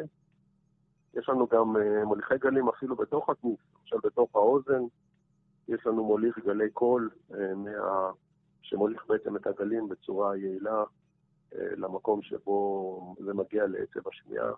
אז בעצם אנחנו מוקפים מכל עבר במוליכי גלים. אוקיי, אז אה, הנה, נתת לנו כמה דוגמאות, חלק גלי uh, קול, שזו סתם איזושהי הפרעה שנעה באיזשהו תווך, או גלי אור, שזה סוג של uh, גלים אלקטרומגנטיים בטווח מסוים או בתחום מסוים. אז uh, איזה מוליך אתם פיתחתם ומה אפשר להוביל באמצעותו? אילו גלים? כן, אז אני צריך להגיד שבדרך כלל כשאומרים מוליך גלים, אני מנסה לבנות איזשהו מתקן שקולט הגל בפנים. למשל במקרה של סיב אופטי שהזכרתי מקודם, אז איזשהו צינור זכוכית שכולל את האור בפנים. אה, במקרים אחרים, זה נניח לוחות מתכתיות, איזשהו צינור מתכת שכולל את האור. ובמקרה שלנו, אנחנו הלכנו על קונספט אחר, שבו במקום לקלוע את האור, אנחנו פשוט, פשוט קוטמים אותו. אחת לכמה זמן אנחנו קוטמים את הקצוות שלו, ומי... אה, זה בעצם על ידי סדק, ומסדק לסדק הגל מתקדם בצורה חופשית. אז אה, למרות שזה נראה משהו שהוא מאוד לא יעיל, בסופו של דבר מסתבר שזה דרך מאוד יעילה אה, להוליך גלים ממקום למקום. מבחינת היעילות היא משתווה למוליכים שהם state of the art בתחומים מסוימים. אז בסך הכל זה דרך מאוד פשוטה לממש מוליך גלים והיא יחסית יעילה. רגע, ספר לנו, אה, מה קורה, בדרך כלל הרי סדק גורם לבריחה או לפיזור, לא של הגל. נכון, נכון. אז בדרך כלל אם אני שם סדק ואני מתקדם, אז אם אני אתקדם הרבה, אז באמת פשוט הגל ילך ויתרחב. זה משהו שאנחנו מכירים אותו גם מהרבה דוגמאות, כולל למשל גלי מים שעוברים דרך שובר גלים ומגיעים לחוף, אז הם הרבה יותר רחבים מאשר כשהם עברו דרך שובר הגלים. אבל אם אני, אם אני לא מתרחק הרבה, אם אני מתרחק אה, מרחק יחסית קצר, אז דווקא אחרי מרחק לא מאוד גדול, מסתבר שתחילה הגל מתמקד, ורק אחר כך הוא מתרחב. אז הרעיון זה לא לתת לגל לברוח יותר מדי, לשים סדק, אה, לחכה שהוא קצת יתמקד, ואז לשים עוד סדק, וכן הלאה. בצורה כזאת, על ידי מרחקים יחסית קטנים בין הסדקים, אני יכול להוליך את הגל אה, על פני מרחק גדול. עכשיו, באילו גלים מדובר? זאת אומרת, גלים אלקטרומגנטיים? באיזה טווח תדרים? כן. אז אה, למעשה התופעה הזאת היא תופעה גלית כללית, ואפשר לראות אותה בהרבה סוגים של גלים. אנחנו הדגמנו אותה עבור שני סוגים של, של גלים. אה, גל אחד זה גל שנקרא גל פלזמוני, לצורך העניין זה גל שמתקדם, זה גל משטחי, שמתקדם בין אה, מתכת לחומר דיאלקטי, בין מתכת לאוויר. אה, והגל השני שהדגמנו עבורו, זה, זה סוג אחר של גל, זה פשוט אה, גלי מים שמתקדמים על, על, על השפה, זה נקרא גלי צידה משטחיים. אבל בעיקרון התופעה הזאת היא כאמור היא כללית. אפשר להראות אותה גם עבור גלים אלקטרומגנטיים בתחומים אחרים, עבור גלי קול, עבור גלי חומר. כל הגלים האלה ש... בעצם... אה, אז, אז השיטה הזו, אולי פה באמת עסקתם בתחומים מסוימים, אבל היא שיטה שהיא טובה, אותה שיטה שעושה שימוש בסדקים, היא טובה להולכת כל גל, כי התופעה היא, כפי שאמרת, היא כללית. התופעה של, שוב, יציאה ככל הנראה, יחסית יציאה מפוקסת של הגל, ואז התפזרות. נכון, נכון, זה מה שנחמד, שזה באמת תופעה גלית כללית.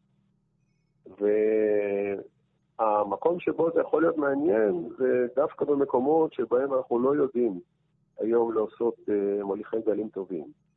Uh, למשל, בתחום האופטי אין צורך בזה, כי יש לנו כבר סיבים אופטיים, שזה מוליכי גלים מצוינים, אבל בתחומים אחרים של הספקטרום האלקטרומגנטי, למשל בתחום הפרה-הרץ או בתחום האקס-ריי, אין לנו מוליכי גלים טובים. אז זה יכול להיות uh, דרך לפתור את הבעיה עבור אותם תחומים. כמו מה למשל? תן לנו דוגמה למימוש של התגלית הזו או לשימוש בתגלית. כן, אז אנחנו חושבים שכמו שאמרתי, ב, ב, אם אני רוצה להליך, אה, למשל, גלים בתחום הטרה-הרץ, היום אין לי פתרונות טובים. אה, גלים בתחום הטרה-הרץ הם גלים מאוד מעניינים, אה, הם יכולים לחדור מקור דרך שטחים, משתמשים בהם למשל בשדות תעופה. אני יכול לבדוק אם מישהו נוסע עליו, נניח, כלי נשק או, או, או חומר נפץ, גם כשזה מתחת לבגדים שלו. אבל אם אני רוצה לבנות התקן שבו יש לי מקור ואני מוליך ממנו את הקרינה הזאת למקום שאני רוצה, אז כרגע אין לי פתרונות טובים מבחינת הולכת גלים. אז זה למשל יכול להיות מקום שבו הפיתוח שביצענו יכול להיות שימושי. טוב, נשמע אכן שימושי, אבל אני משער שיש לזה אה, עוד הרבה מאוד אה, אפשרויות אה, לעשות שימוש בפטנט במרכאות הזה, או בשיטה הזו, שהיא לא טריוויאלית. אה, כן, זה גם הפתיע אותנו, האמת שראינו שאפשר לקבל מוליכי גלים מאוד מאוד טובים בצורה הזאת. זה לא משהו שציפינו לו אה, כשהתחלנו את הניסויים האלה. אה, טוב, תודה לך על השיחה הזו, פרופ' עדי אריה מבית הספר להנדסת חשמל בפקולטה להנדסה, אוניברסיטת תל אביב. תודה. תודה רבה.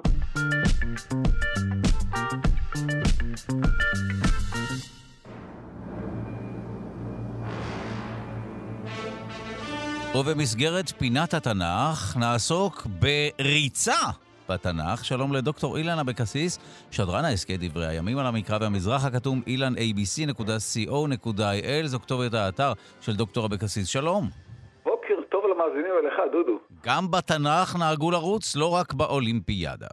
נכון, נכון, וברוח האולימפיאדה המתחוללת עתה, ואשר הניב שלל מדליות מכובד באופן יחסי כמובן, נדבר קצת על הריצה בתנ"ך, ועכשיו... חשוב להדגיש, כבר עתה, דודו, לריצה בימי קדם היו מטרות מעשיות. אף איש לא רץ כחלק מתרבות הפנאי שלו. Mm. הפועל לרוץ טומן בחובו כמה משמעויות, למשל זריזות.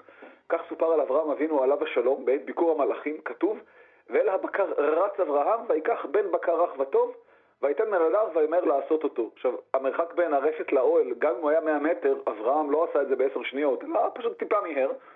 גם בסיפור דוד וגוליית כתוב, ויאמר ישי לדוד בנו.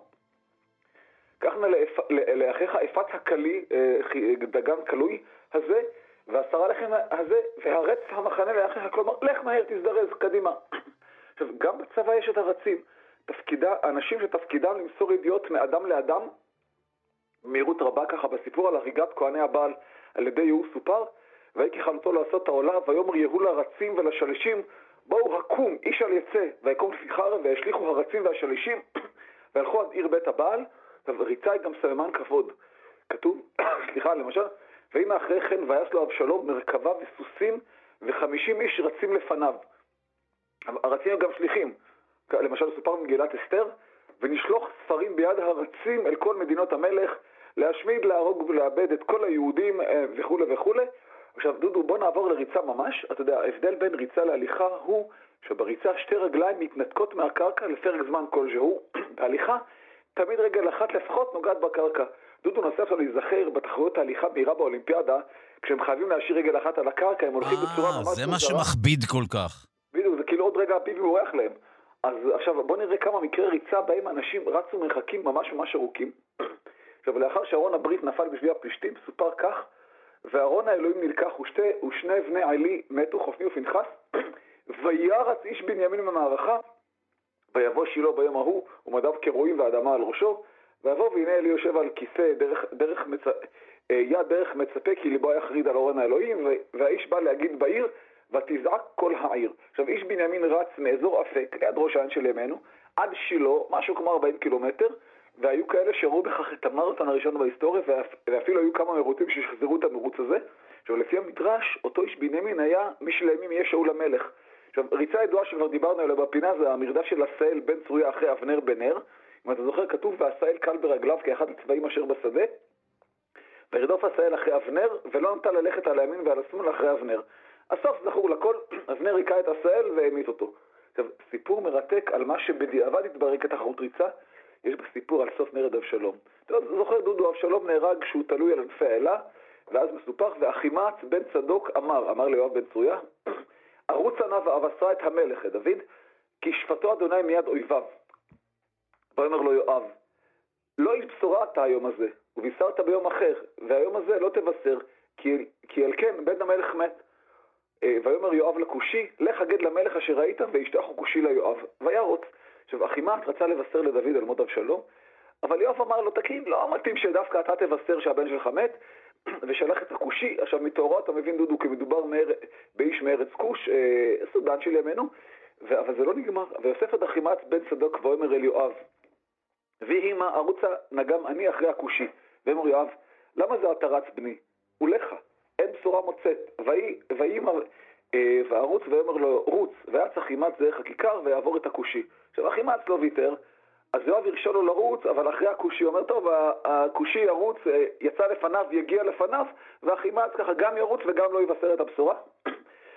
אה, נורא מעניין עכשיו, אתה יודע, זה, אה, המלחמה בין דוד לאבשלום הייתה באזור גלעד, אזור הררי. עכשיו, הכושי רץ ישר דרך הערים, עלה ירד, עלה ירד, עלה ירד, תפר מה שנקרא, ואחימץ רץ מסביב, אבל דרך המישור.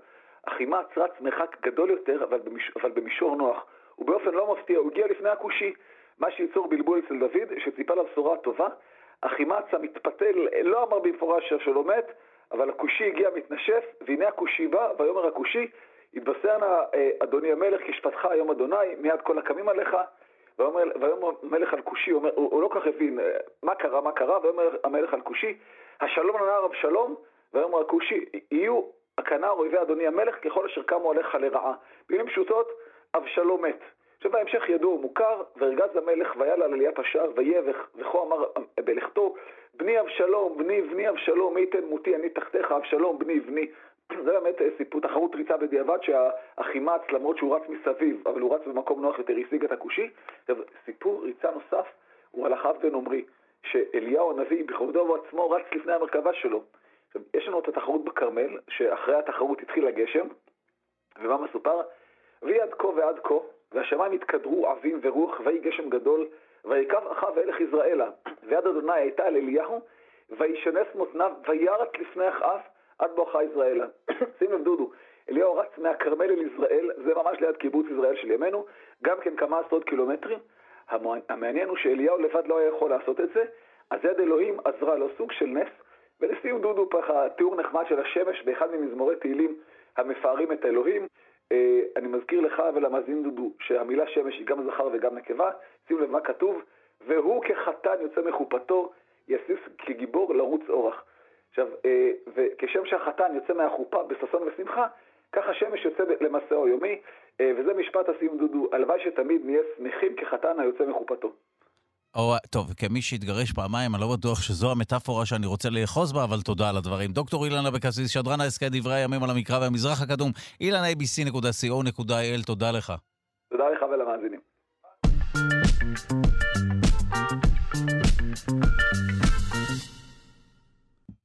קבוצה תרבותית חדשה שהתקיימה בירושלים וסביבתה בין כיבושי אימפריית אשור לאחר מסע סנחריב לחורבן ממלכת יהודה התגלתה על ידי שתי חוקרות. מהמכון לארכיאולוגיה באוניברסיטה העברית, חוקרות שהשתמשו בסריקה תלת-מימדית ועיבוד של הדברים במעבדה לארכיאולוגיה חישובית באוניברסיטה העברית, שזה לא פחות מסקרן. מיד אה, נבין, החוקרות הן דוקטור אורטל ארוש, שכבר נמצאת איתנו על הקו, ופרופסור ליאור גרוסמן. הדברים פורסמו בכתב העת המדעי פלוס וואן. אנחנו שמחים לומר שלום לדוקטור אורטל ארוש מהחוג לארכיאולוגיה באוניברסיטת תל אביב. שלום.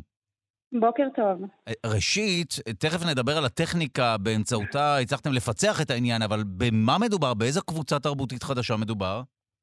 אז בעצם הקבוצה התרבותית שאנחנו מתייחסים אליה היא למעשה קבוצה של אה, קדרים. כארכיאולוגים הממצא שהוא כמעט יחיד בידינו הוא בעצם חפצים, שבמקרה כאן אנחנו מתייחסים לכלי חרס, והמחקר, כפי שאתה ציינת בהתחלה, הוא מדגיש באמצעות כלים חדשניים של סריקה תלת-ממדית, של הפקת חתכים מוקיעים של הכלים וניתוח השוואתי גיאומטרי מדויק, שהבדלים זעירים, קטנים, שאנחנו לא יכולים לראות בעין, בין כלי חרס יכולים לאתר חתימות תרבותיות ביצור הקרמי. אז ספרי לנו על אותה קבוצה, זאת אומרת, מה הם עשו? הם התמקדו ביצירת אה, חרסים? זאת אומרת, זה מה שהם עשו? מי הם היו? איך הם חיו? מי קנה מהם את החרסים? אז זהו, אז הדברים הם באמת אה, אה, פועלים אה, קצת אחרת מבחינת אה, אה, הכלכלה שאנחנו אה, מבינים אותה היום. אבל אה, באופן כללי זה, אה, יש אה, קבוצה של, אה, של חרסים, של אנשי, אה, מה שנקרא אנשי בעלי מלאכה, אה, שמייצרים חרס, ולמעשה הדרך שבה כל תרבות, זהות, קבוצה שמייצרת כלי חרס, בעצם זה חלק מרשת לימוד, נקרא לזה בית ספר. כאשר בסוף התוצאה הסופית באה לידי ביטוי בגיאומטריה, בצורה של הכלי. אה, אז אותם אה, אנשים, ובמיוחד אנחנו מדברים על תקופה שבה אנחנו יכולים לראות כלים שהם למעשה סטנדרטיים, זאת אומרת שהאינטנסיביות של הייצור היא מאוד מאוד גבוהה. הם ממש עובדים במה שנקרא mass production, אה, אה, תעשייה, ולכן הם מגיעים לכדי כלים שהם מאוד מאוד סטנדרטיים ומאוד דומים אחד לשני. אה, ובמחקר אנחנו למעשה מציעות כי בסמוך או לאחר כיבושי סנחריב, סביב 701 לפני הספירה, בעצם אזור השפלה. נחלשת, ויחד איתו אותו טיפוס קנקן שכיח, קנקן למלך, שהיה קיים באזור הזה למעלה ממאה שנה. אה, ובעצם השאלה שהנחתה אותנו במהלך המחקר הייתה, אם הטיפוס הזה היה כל כך מוצלח, למה שינו אותו? זאת אומרת, למה שינו את הצורה? כי אנחנו כן מכירים מסורות קרמיות ארוכות יותר בתרבות החומרית, ובמקומו טיפוס חדש הגיע והופיע, שהשם שלו ניתן לו על שם טביעת הרוזטה, הוורדה שהוחתמה על הידיות שלו. אמ, זהו למעשה. טוב, אה, אה, אחת, אני, אנחנו מנסים להבין למי הם השתייכו אותם אנשים, ובעיקר, ספרי לנו על הדרך המאוד מסקרנת שבה השתמשתם בסריקה תלת-ממדית ועיבוד, כן, אנחנו מבינים שמדובר בסוג של ארכיאולוגיה חדשה. זה, זה כבר לא מה שהיה פעם. ארכיאולוגיה חישובית, כן. ארכיאולוגיה חישובית, כן. אז מה זה אומר? מהי ארכיאולוגיה חישובית? ואז אולי אה, נענה על השאלות הקודמות. אבל כן. נתחיל מארכיאולוגיה חישובית. אז ארכיאולוגיה חישובית, זאת אומרת, למעשה כבר, אה, נקרא לזה, בעשר שנים האחרונות, מתפתח באמת אה, אה, תחום חדש בתוך ארכיאולוגיה, שכאשר מה שמנחה קודם כל זה השאלה הארכיאולוגית, אבל אנחנו עושים שימוש בסריקות תלת-ממדיות של, של כלים, של חרסים במקרה הזה, אבל זה כמובן יכול להיות אה, סביב אה, חרסים או כלי צור, בעצם על כל ממצא שאנחנו מכירים בארכיאולוגיה.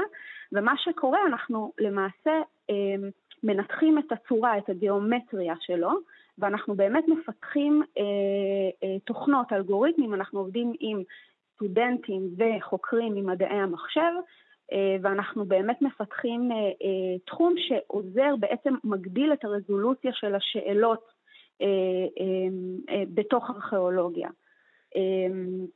אז למשל במקרה כאן, של המחקר כאן, אז אם אנחנו נתחבר באמת לנושא התרבותי, אז באמת חשוב לציין כי הדרך שבה כל אדם הולך, יושב, אוכל, הוא חלק בעצם מהסט התרבותי שאליו הוא שייך, ובטח שאנחנו מדברים על בעלי מלאכה.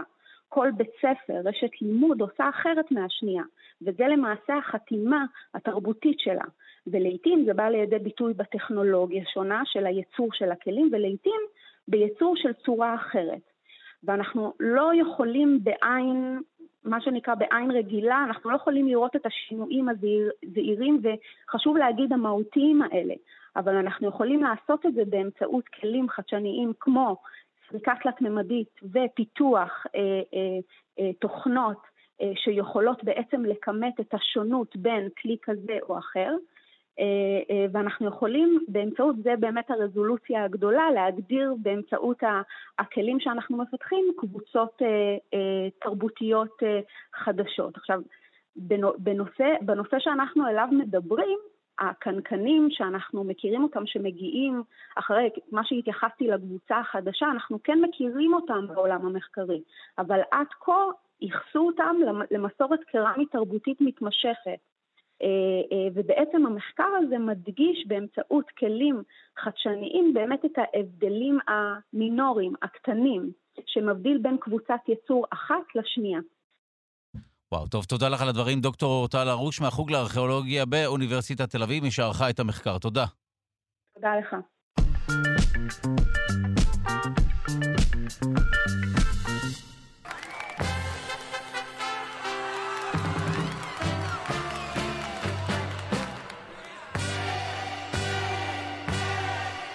ובמסגרת פינת הלשון, נעסוק במשחקים האולימפיים. שלום לכתבתנו בטוקיו, דוקטור סמדר כהן לשונאית הבית שלנו, שלום. לילה טוב, דודו, מה שלומך? אם כן, פער השעות הוא בלתי נתפס. באמת בלתי נתפס, ולכבודך במיוחד נשארתי ערה כל הלילה. עוד לא הלכתי לישון בעצם, והנה, אני כולי מוכנה ומזומנה, אני מקווה שעשית כבר חימום ושאתה בשל לצלול ישירות למשחקים האולימפיים עצמם. תשמעי, אני לא משחק כמובן, אני רק צופה, אני מאוד מעריך אנשים שמשתמשים ביכולת הפיזית שלהם כמובן כדי לעשות משהו בחיים, אבל אוקיי. וואו, אנחנו, אה, למי שהמום לגמרי מהזרימה שלך עם הגג, אז אנחנו מדברים על פינת הלשון, ונעסוק באמת במילים שקשורות לאולימפיאדה שהפכה להיות חלק מהחיים של כולנו, גאווה לאומית וכולי. נכון, אז באמת אה, בשבוע הזה של המשחקים האולימפיים, ככה חשבנו אה, שאולי כדאי שנדבר קצת על כל מיני מילים שפתאום אה, צפו להן שוב, או שקורות הרבה פעמים למי שמתמחה או עוסק בתחומי הספורט למיניהם. והנה עכשיו האולימפיאדה הפכה לנחלתם של כולם, אז נדבר קודם כל אולי על מילה אולימפיאדה בעצמה. אז אולימפיאדה כפי שכבר אמרתי לא אחת, היא בעצם אה, לא המונח הנכון. כמו שאמרת, אה, לדבר שמתרחש כעת קוראים המשחקים האולימפיים. אה, אולימפיאדה היא בעצם פרק הזמן של ארבע השנים שבין המשחקים האולימפיים האחד לשני. כלומר, אם היום אנחנו במשחקים האולימפיים, מיום ראשון הבא, כשיגמרו המשחקים, מתחילה להיספר תקופת האולימפיאדה הבאה. בעצם ארבע שנים שבהן אין תחרויות. אה, אולימפיאדה זה דווקא אין משחקים אולימפיים? אולימפיאדה זה האין משחקים. אולימפיאדה זה אוקיי. מה שנקרא אולי תקופת ההמתנה שבין אה, משחקים אולימפיים אחד לאחר. אמ, וזה מעניין, כי בעצם מה זה האולימפיאדה הזו, המשחקים האולימפיים האלה? בעצם המשחקים האולימפיים זה המשחקים של אולימפיה. המשחקים שהיו מתרחשים באולימפיה, העיר היוונית, אה, אה, לאירוע הזה יש אה, מסורת עתיקה מאוד. כבר בתקופת יוון העתיקה, באולימפיה היו עושים תחרויות ספורט קבועות, והיו, ובעצם הסיומת הזאת, אולימפיאס או אולימפיאד, היא סיומת שמעידה על השל הזה, על השייכות הזאת של אולימפיה. המשחקים mm. שקורים באולימפיה או המשחקים של אולימפיה, אה, שתי משמעויות לסיומת הזאת. הסיומת הזאת עברה אלינו אל העברית אה, מספורט אירופה, כנראה מן הרוסית, יש הטוענים ישירות מן היוונית, אה, לא לגמרי סגור, אבל מעניין שדן אלמגור, המוכר לכולנו, כתב בשנת 1995 סדרה של מאמרים ממש חמודים, אה, על ההבדל בין סיומת ידה לסיומת אי-יה בעברית. אה, לצורך העניין, אספר לך שלפני ש... אה, לפני שקראו לה אדלוידה אדלוידה, הייתה פורימיאדה. ויש, מקבי, והייתה מכביאדה. אבל אדלוידה הפכה לאדלוידה משום שהיא נשמעה כנראה כמו האולימפיאדה, ואילו מכביאדה הפכה להיות המכבייה שאנחנו מכירים. זאת אומרת, הסיומת איה וסיומת ידה הזאת הן מאוד דומות ומקבילות בעברית, אחת מן השפות הזרות, ידה, שבאה לנו מן היוונית או מן הרוסית, ואיה, שהיא סיומת שצמחה כאן בארץ. אה, סיומת, אגב, שחיים נחמן ביאליק מאוד מאוד לא אהב אותה. אה, לכן הוא, אגב, לא קרא לה עגבנייה עגבנייה, אלא עגבנית. אה, ולכן הוא לא אהב את סוג למה? מעניין. מה, מה, מה היה לו נגד האייה? הוא טען שזאת אה, סיומת אה, פשוטה מדי, הוא טען שהיא יוצרת מילים רק באמצעות אה, אה, בסיס וסיומת ולא אה, במשקל, ממש כמו שהשפות השמיות מבקשות, כמו שהעברית מבקשת. אה, זאת הייתה גם הסיומת היותר רווחת אה, בירושלים, וביאליק היה כמובן תל אביבי. אה, יש הטוענים שזאת גם סיומת שהייתה מקובלת יותר בלדינו. אתה יודע, אנחנו, שפה ולש... אמרנו, שפה ופוליטיקה, שפה וזהות הם דברים שהולכים יחד, אה, וכנראה מכלול השיקולים אה, הזה גרם לביאליק פחות לאהוב את איה, אה, אבל הוא גם לא אהב את ידה, כלומר, למקרה שאתה תוהה. הוא פשוט השתדל להימנע משתיהן במה שהוא יצר.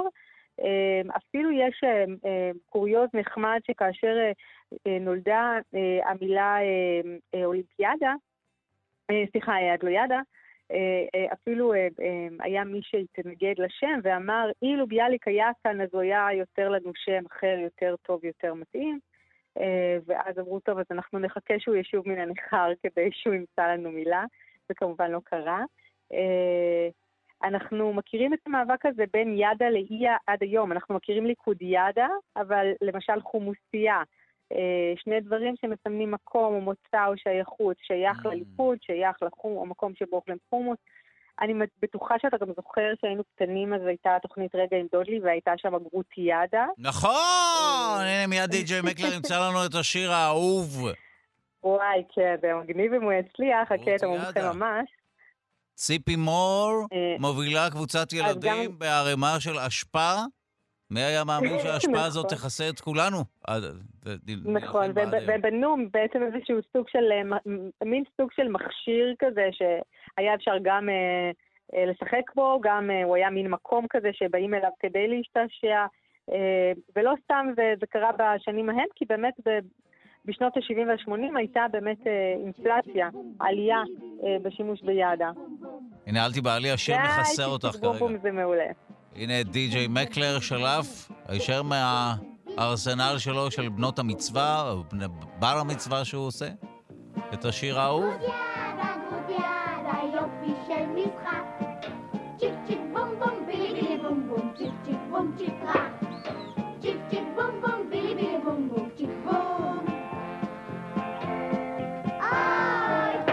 טוב, וממשחקים באשפה נשוב למשחקים אולימפיים.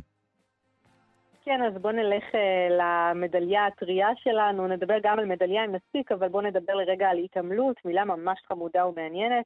Uh, נשמעת לנו מילה עברית לגמרי, אבל היא עברה איזה שהם uh, שינויים, מילה שהתחילה בלשון חז"ל, אנחנו מוצאים בלשון חז"ל רק את הפועל התעמל, ומוצאים בו, מוצאים אותו במשמעות של עשה פעולה גופנית הגורמת הזעה. למשל, אנחנו מוצאים את זה בהלכות שבת, אין רצין בשבת, כלומר אסור לרוץ בשבת, כדי להתעמל, כלומר כדי להזיע, אבל מטייל כדרכו ואינו חושש, ואפילו כל היום כולו. לטייל בלי להזיע מותר, לרוץ כדי להתעמל, זה אסור, לרוץ כדי לעשות פעילות שיש בה הזעה. בפעם הראשונה שאנחנו מוצאים את המילה התעמלות כהתעמלות, כשם, בעברית אנחנו מוצאים אותה בתרגום של ז'בוטינסקי לחיבור, לחיבור הספרטקוס, שהוא סיפור מימי מרידת העבדים במלכות רומא, זה תרגום של ז'בוטינסקי מאיטלקית. הוא מעניין שבאמת מדברים, הוא באמת מביא שם מין גיבור כזה שיודע לעשות מה שנקרא התגוששות, הוא יודע להתאבק. והוא בעצם, לזה קוראים התעמלות אצלו. ב-1919 אנחנו כבר מוצאים את השימוש בהתעמלות אצל יוסף חיים ברנר, כלומר, פחות או יותר בראשית המאה ה-20 המילה התעמלות כבר הפכה למילה ממש, מה שלא היה, מה שבמשך זמן ארוך היא לא הייתה, היה לנו רק את התעמל, פחות או יותר במאה השנייה לספירה, בשנת 200 לספירה, נעלמה לנו מן השימוש, ואז נולדה התעמלות, פחות או יותר במאה, בראשית המאה ה-20 או בסוף המאה ה-19. אולי נגיד גם משהו על מדליה. גם מילה מעניינת, כמובן לא עברית, לא נולדה בעברית. היא באה מן הלטינית, וכנראה עברה אל העברית דרך, וכנראה עברה ככה אל האיטלקית וממנה לשאר שפות אירופה, ונכנסה לעברית כנראה דרך היידיש. השאלה מה מקורה של המילה הזאת באמת שנויה במחלוקת, יש הטוענים שמקורה במטאלה או מטאלה הלטיניות שמשמען מטבע או מתכת, ויש שטוענים שמדובר בעצם בערך של מטבע, במטבע ששווה חצי דינר, מן היסוד מידל, אמצע, חצי. די, אה, לא ידעתי שיש קשר, אוקיי. כן, זה מעניין. ואנחנו מוצאים אותה בעבר... בשימוש כאילו בעברית במרכאות בפעם הראשונה, בשבועון המגיד שיצא לאור באירופה, בעברית כמובן, אבל בשנת 1857, שזו הפעם הראשונה שמצאתי את המילה הזאת מופיעה במקורותינו, היא כתובה בכתיב המעיד על הגייה יידיש, כלומר עם עין, עם מדליה כזה. ב-1913 אנחנו מוצאים אותה כבר אצל גנסין בספרו אפל, והוא מדבר שם על המדליות המצלצלות שעונדים אנשי צבא על חזם. יותר במשמעות של עיטורי גבורה כנראה, שיש להם mm. צורה עגולה כזאת של מדליונים. אז משם התגלגלה גם היא אלינו. יש לנו דקה להגיד משהו על ג'ודו ועל ג'ודוקה וג'ודאי? לגמרי כן, כן. יש. אז ג'ודו, מילה יפנית, מורכבת משתי מילים, ג'ו ודו, בפירוש לעברית דרך רכה. כלומר, איזושהי אומנות לחימה ולא לוחמנות ממש, לא קרב ממש. השם של האדם העושה את הג'ודו, אנחנו רגילים לשמוע ג'ודוקה. בשנים האחרונות היה, ג'ודוקה הוא כמובן, היא כמובן הצורה היפנית לציין את הלוחם באומנות הלחימה הזאת. אנחנו ניסינו להפוך אותה לצורה עברית קצת, והצענו את ג'ודאי, ובאמת גם מילון רב מילים הביא ג'ודאי, וגם בשידורי כל ישראל והתאגיד אנחנו מנסים להשתמש בג'ודאי, אבל לא תמיד זה עובד, ולצערנו או לשמחתנו גם משתמשים בג'ודוקה. זו לא החלטת אקדמיה, יש לומר, לכן אין, אין לחייב כאן, אבל ג'ודאי כמו אה, כבאי וטכנאי, זה הסיומת העברית לבעלי המקצוע, ולכן אה, יכול להיות אה, ממש נחמד אה, להשתמש בו. וכדי לסיים בעוד אה, אה, מה שאנחנו קוראים תמיד תופינים, אז אה, אתה יודע איך קוראים אה, למקרה שבו אחד הלוחמים נותן נוקאוט לאחר? איך אומרים נוקאוט בעברית? לא. אז טוב, זה לא כזה מגניב, אבל בסך הכל מיגור. מיגור? כלומר, הצלחנו. אוקיי. למגר את האויב. או, אז אכזרי משהו, פתאום איבדנו את הרוח הספורטיבית נכון. במילה. כנראה, אתה צודק. אבל כן, זה מה שהציעו וגם קיבלו, ב... זאת ממש החלטת אקדמיה, נוקאוט בעברית, במצב שכוונתו כמובן שה... לוחם אחד נותן מכה ניצחת ליריב, שאחרי היריב אינו מסוגל עוד לעמוד על רגליו, הוא מיגור בעברית. טוב, אוקיי, אני לא בטוח שזה יתפוס, כי באמת יש משמעות אסוציאטיבית לפחות אחרת למילה, אבל אוקיי, נחיה ונראה. תודה רבה לך, לשונאית הבית שלנו, דוקטור סמדר כהן. תודה. תודה, דודו.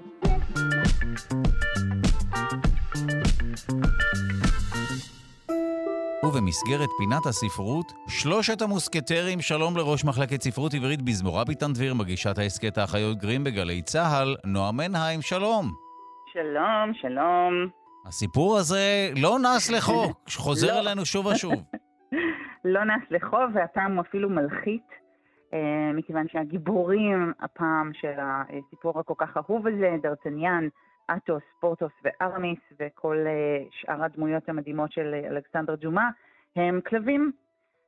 מי מכם שמכיר את הסדרה ששודרה בארץ ב-1993 בערוץ הילדים ונקראה בעברית שלושת המוסקטרים, מה שהחמיץ לחלוטין את משחק המילים, באנגלית קראו לה דוג טניאן and the three musket hounds, כי אלה היו כלבים שגילמו את גיבורי הרומן הצרפתי הזה. אז הפעם הסדרה חוזרת בלבוש חדש, בשלושה ממדים, בסרט שעולה כמובן בדיוק בזמן לחופשת הקיץ. אני עדיין לא ראיתי אותו, אני ראיתי רק את הפוסטרים שנראים חמודים מאוד, אבל אני זוכרת את הסדרה המקורית והחביבה ביותר. וזאת הזדמנות מצוינת להיזכר שוב ב... הספר הנפלא הזה ובאדם המדהים שכתב אותו. אז למי מכם שעדיין לא מכיר, אפשר ללכת לראות את הסרט, אפשר ללכת לקרוא את הספר ולהשקיע את עצמכם לרגע במזימות ובתככים של חצר המלכות ושל הפוליטיקה הצרפתית שאותם דיומה היטיב כל כך לתאר. ואני אי אפשר לתקצר את העלילה הזו כמובן. האמת היא שזה לא רעיון רע בכלל לעשות פינה של, של תקצירים. אני זוכר שאחרי אה, נכון. עוגמת הנפש שנגרמה לי ב-350 העמודים של החטא ועונשו, נאלצנו פשוט לגשת בין היתר גם לתקצירים, וזה היה הצלת חיים, אולי, אולי, אולי משהו שפוגע באיכות הספרותית וכולי, אבל כתלמיד אני זוכר שגם השתמשנו בתקצירים. אבל אה, קדימה, אז פינת התקצירים. אז, אני אנסה, תראה, עכשיו הבעיה היא שאלכסנדר ג'ומה אה, היה במצב של חסרון כיס תמידי. אה, והוא אה, כתב את הסיפורים שלו כדי שיתפרסמו כמו דיקנס, שעליו דיברנו באחת התוכניות הקודמות, כדי שיתפרסמו בעיתון בהמשכים. ומאחר ושילמו לו לפי מילה, אז הוא והשותף שלו, שעבד איתו בעצם במין בית מלאכה כזה שהיה מפיק את הספרים, אוגוסט מכה, הם קיבלו תשלום למילה, ולכן יש המון דיאלוגים והמון תיאורים מאוד מאוד ארוכים בספר, אז אולי תקציר יעשה איתו טוב. אה, ואנחנו מתחילים עם אה, בחור צעיר ונלהב בשם דרצניאן, הוא כפרי אה, ומגיע לעיר הגדולה כדי להתקבל לשורות החטיבה המהוללת ביותר של הצבא הצרפתי. זה ה-669 של תקופתו, או ה-8200, או איך שלא, לא, זה יותר קרוב ל-669, מדובר בלוחמים עזים. אה, והוא מגיע עם מכתב מאבא שלו, המפקד של המוסקטרים, כדי לנסות להתקבל ליחידה שלהם, אבל מאחר ויש לו דם חם, הוא מצליח להסתבך בצרות עוד אפילו בדרך, אה, ורב עם אה, אציל באיזה פונדק דרכים, והמריבה הזאת אחר כך תרדוף אותו לאורך כל הרפתקאותיו, והוא פוגש את שלושת המוסקטרים, הלוא הם אטוס, פורטוס וארמיס, אלה לא שמות אמיתיים, זה שמות בדויים לכל אחד מהם יש סיבות להסתיר את זהותו האמיתית, והם הופכים להיות החברים הכי טובים. וכאן אנחנו מקבלים בעצם את המוטו הכל כך מפורסם של המוסקטרים, היה נכון אז, נכון גם היום, אחד למען כולם, כולם למען אחד. הרביעייה הזאת הופכת להיות רביעייה של חברים אה, אמיצים ונחושים, אה, והם מוצאים את עצמם מסובכים באמת בפוליטיקה המאוד סוערת אה, של התקופה. אנחנו אה, נמצאים בזמן המלחמות הגדולות בין צרפת ואנגליה, גם בתוך צרפת עצמה יש מלחמות אה, פנימיות. המלך לואי ה-13 ויריבו ויועצו, החשמן רישליה, משחקים איזה משחק פוליטי מאוד מאוד מסובך, והגיבורים שלנו מוצאים את עצמם עד צוואר, ובקצה החרבות שלהם נאלצים להגן על כבודם, על כבודה של המלכה, על שלמות הממלכה, כל זה בלי לבגוד אחד בשני ולהתייצב זה לצד זה.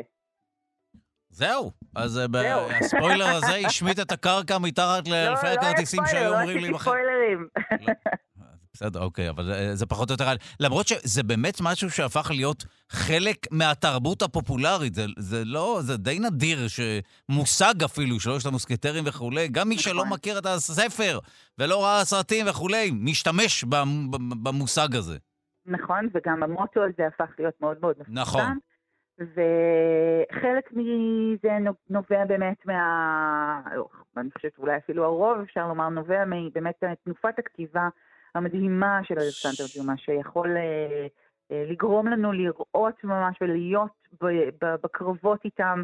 אה, ובסעודות ומסיבות הפרועות שלהם. האמת היא שזה כן עושה חשק לחזור לספר המקורי, כן. לקרוא אותו, ולא רק את העיבודים שלאחר מכן. מאוד מאוד מאוד מומלץ. היו עיבודים מוצלחים, עיבודים מוצלחים פחות, אבל אני חושבת שאף אחד מהם לא עולה על המקור, באושר שלו, בקצב שלו.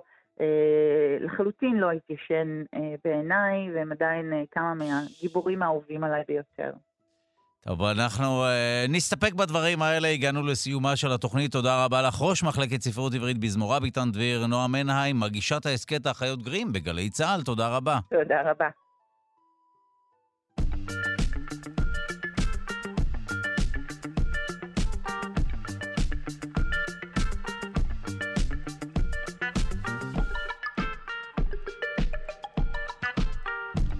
אנחנו סיימנו את התוכנית להיום, נספר לכם מי עמל על המשדר הוא עמל. העורך שלנו הוא רז חסון, המפיקה היא אלכסנדרה לויקר. על הביצוע הטכני די.ג'י אלון מקלר, תודה רבה ליגאל שפירא שמלווה אותנו. אתם ואתן מוזמנים ומוזמנות להצטרף לקהילה הרשמית של שלושה שיודעים בפייסבוק. כאן שלושה שיודעים. נזכיר שאפשר להאזין לשלושה שיודעים גם כהסכת בכל זמן ובכל מקום באמצעות היישומון של כאן, גם באמצעות ספוטיפיי, אפל וגוגל, שיהיה לכם יום נעים ושקט, תקפידו על עטיית מסכות. מחר תוכנית חדשה להתראות.